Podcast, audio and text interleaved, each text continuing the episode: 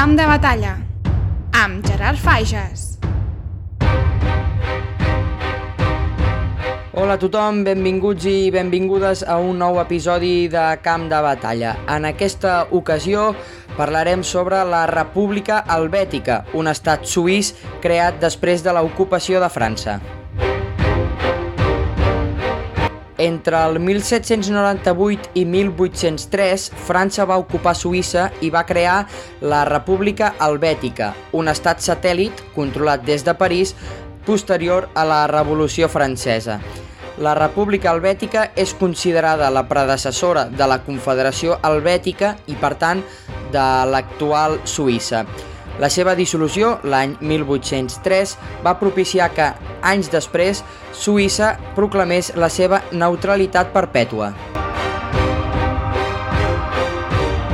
Després de la Revolució Francesa, el 1789, la Primera República de França va emprendre diverses guerres contra països europeus que encara s'emmarcaven en l'antic règim i l'absolutisme dels monarques, és a dir, dels reis i de les reines.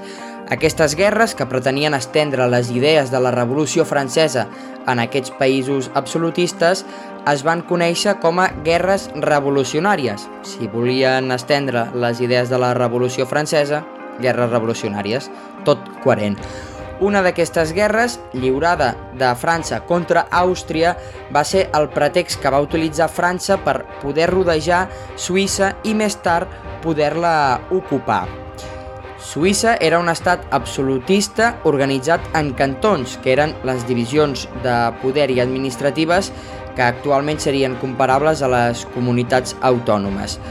En esclatar les guerres revolucionàries de França contra els països monàrquics, Suïssa es declara neutral, com ja havia fet amb la majoria de conflictes que havia anat vivint a Europa al llarg de la seva història.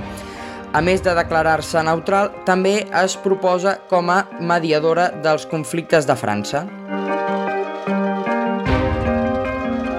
Tot i el paper neutral de Suïssa en aquestes guerres revolucionàries, la població del país es comença a dividir entre partidaris i contraris d'aquestes idees de la Revolució Francesa.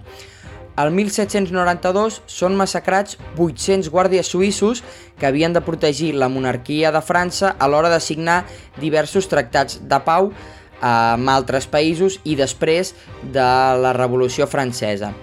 Aquesta massacre fa esclatar la guerra a Suïssa.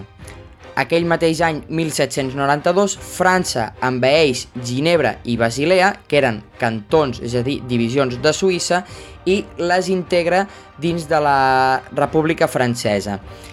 Sis anys més tard, el 1798, les tropes de França finalment envaeixen tota Suïssa, que gairebé no va mostrar gens de resistència. El 12 d'abril d'aquell 1798 i des de París es proclama la República Helvètica.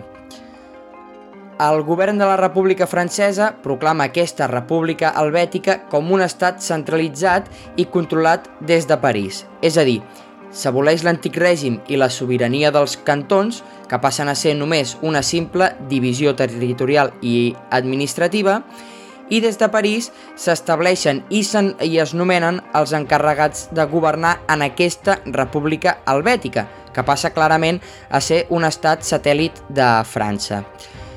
Aquest nou govern revolucionari a Suïssa no té bona acollida a les zones centrals de Suïssa, on es viuen diverses revoltes i intents de cops d'estat per tal de poder recuperar l'antic govern suís i fer fora aquestes tropes revolucionàries de França. Tot i així, tots aquests intents de cop d'estat, les tropes franceses aconsegueixen reduir-los i aconsegueixen mantenir l'ordre revolucionari, és a dir, l'ordre que havia establert França en ocupar i crear la República Helvètica. Aquesta inestabilitat va marcar la història curta de la República Helvètica, fins que el 1803 Napoleó va haver de posar-hi punt i final després que l'any 1802, és a dir, un any abans, hagués esclatat una guerra civil. Després de la Revolució Francesa, Napoleó Bonaparte es va proclamar primer cònsul vitalici de França, és a dir, que era l'encarregat de governar el país després d'instaurar aquesta primera república. Així que el 1803, doncs, Napoleó signa l'acte de mediació, que és un acte que aboleix la República Helvètica, és a dir, la dissol, i dona pas a un nou país, anomenat Confederació de Suïssa.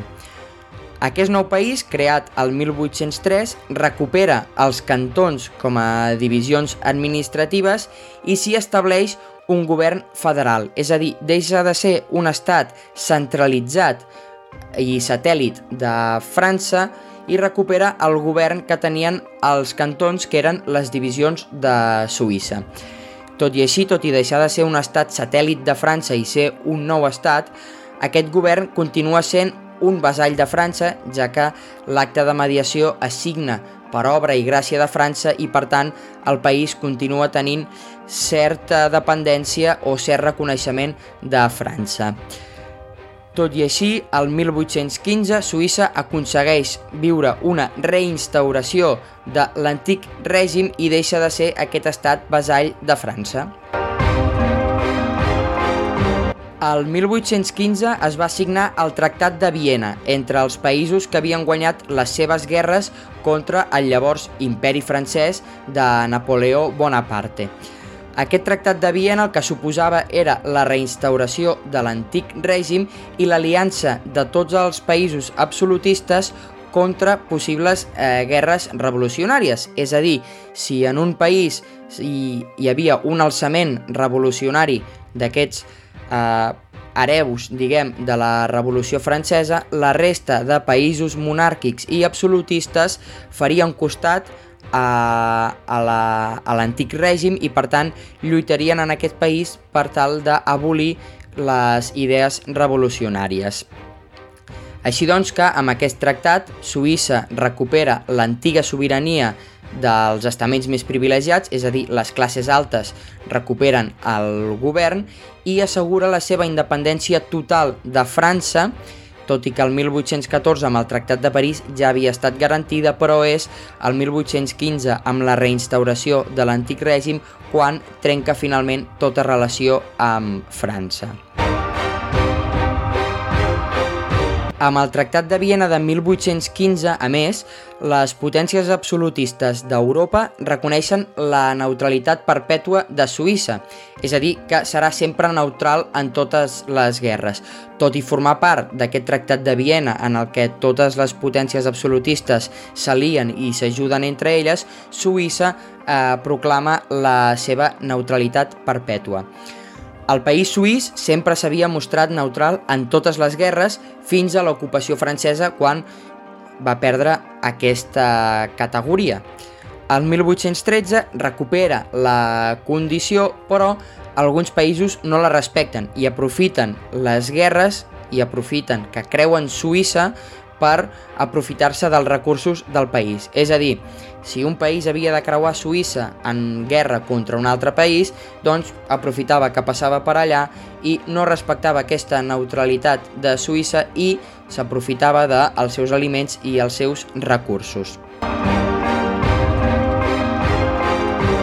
Després que al maig de 1815 la resta de països absolutistes d'Europa acceptin la neutralitat perpètua de Suïssa, al mes de novembre d'aquell mateix 1815, el país finalment fa valdre la seva condició de neutralitat i inviolabilitat, és a dir, és neutra i inviolable, ningú la pot ocupar i ningú la pot atacar, igual que ella mai atacarà o eh, s'aprofitarà dels recursos d'altres països.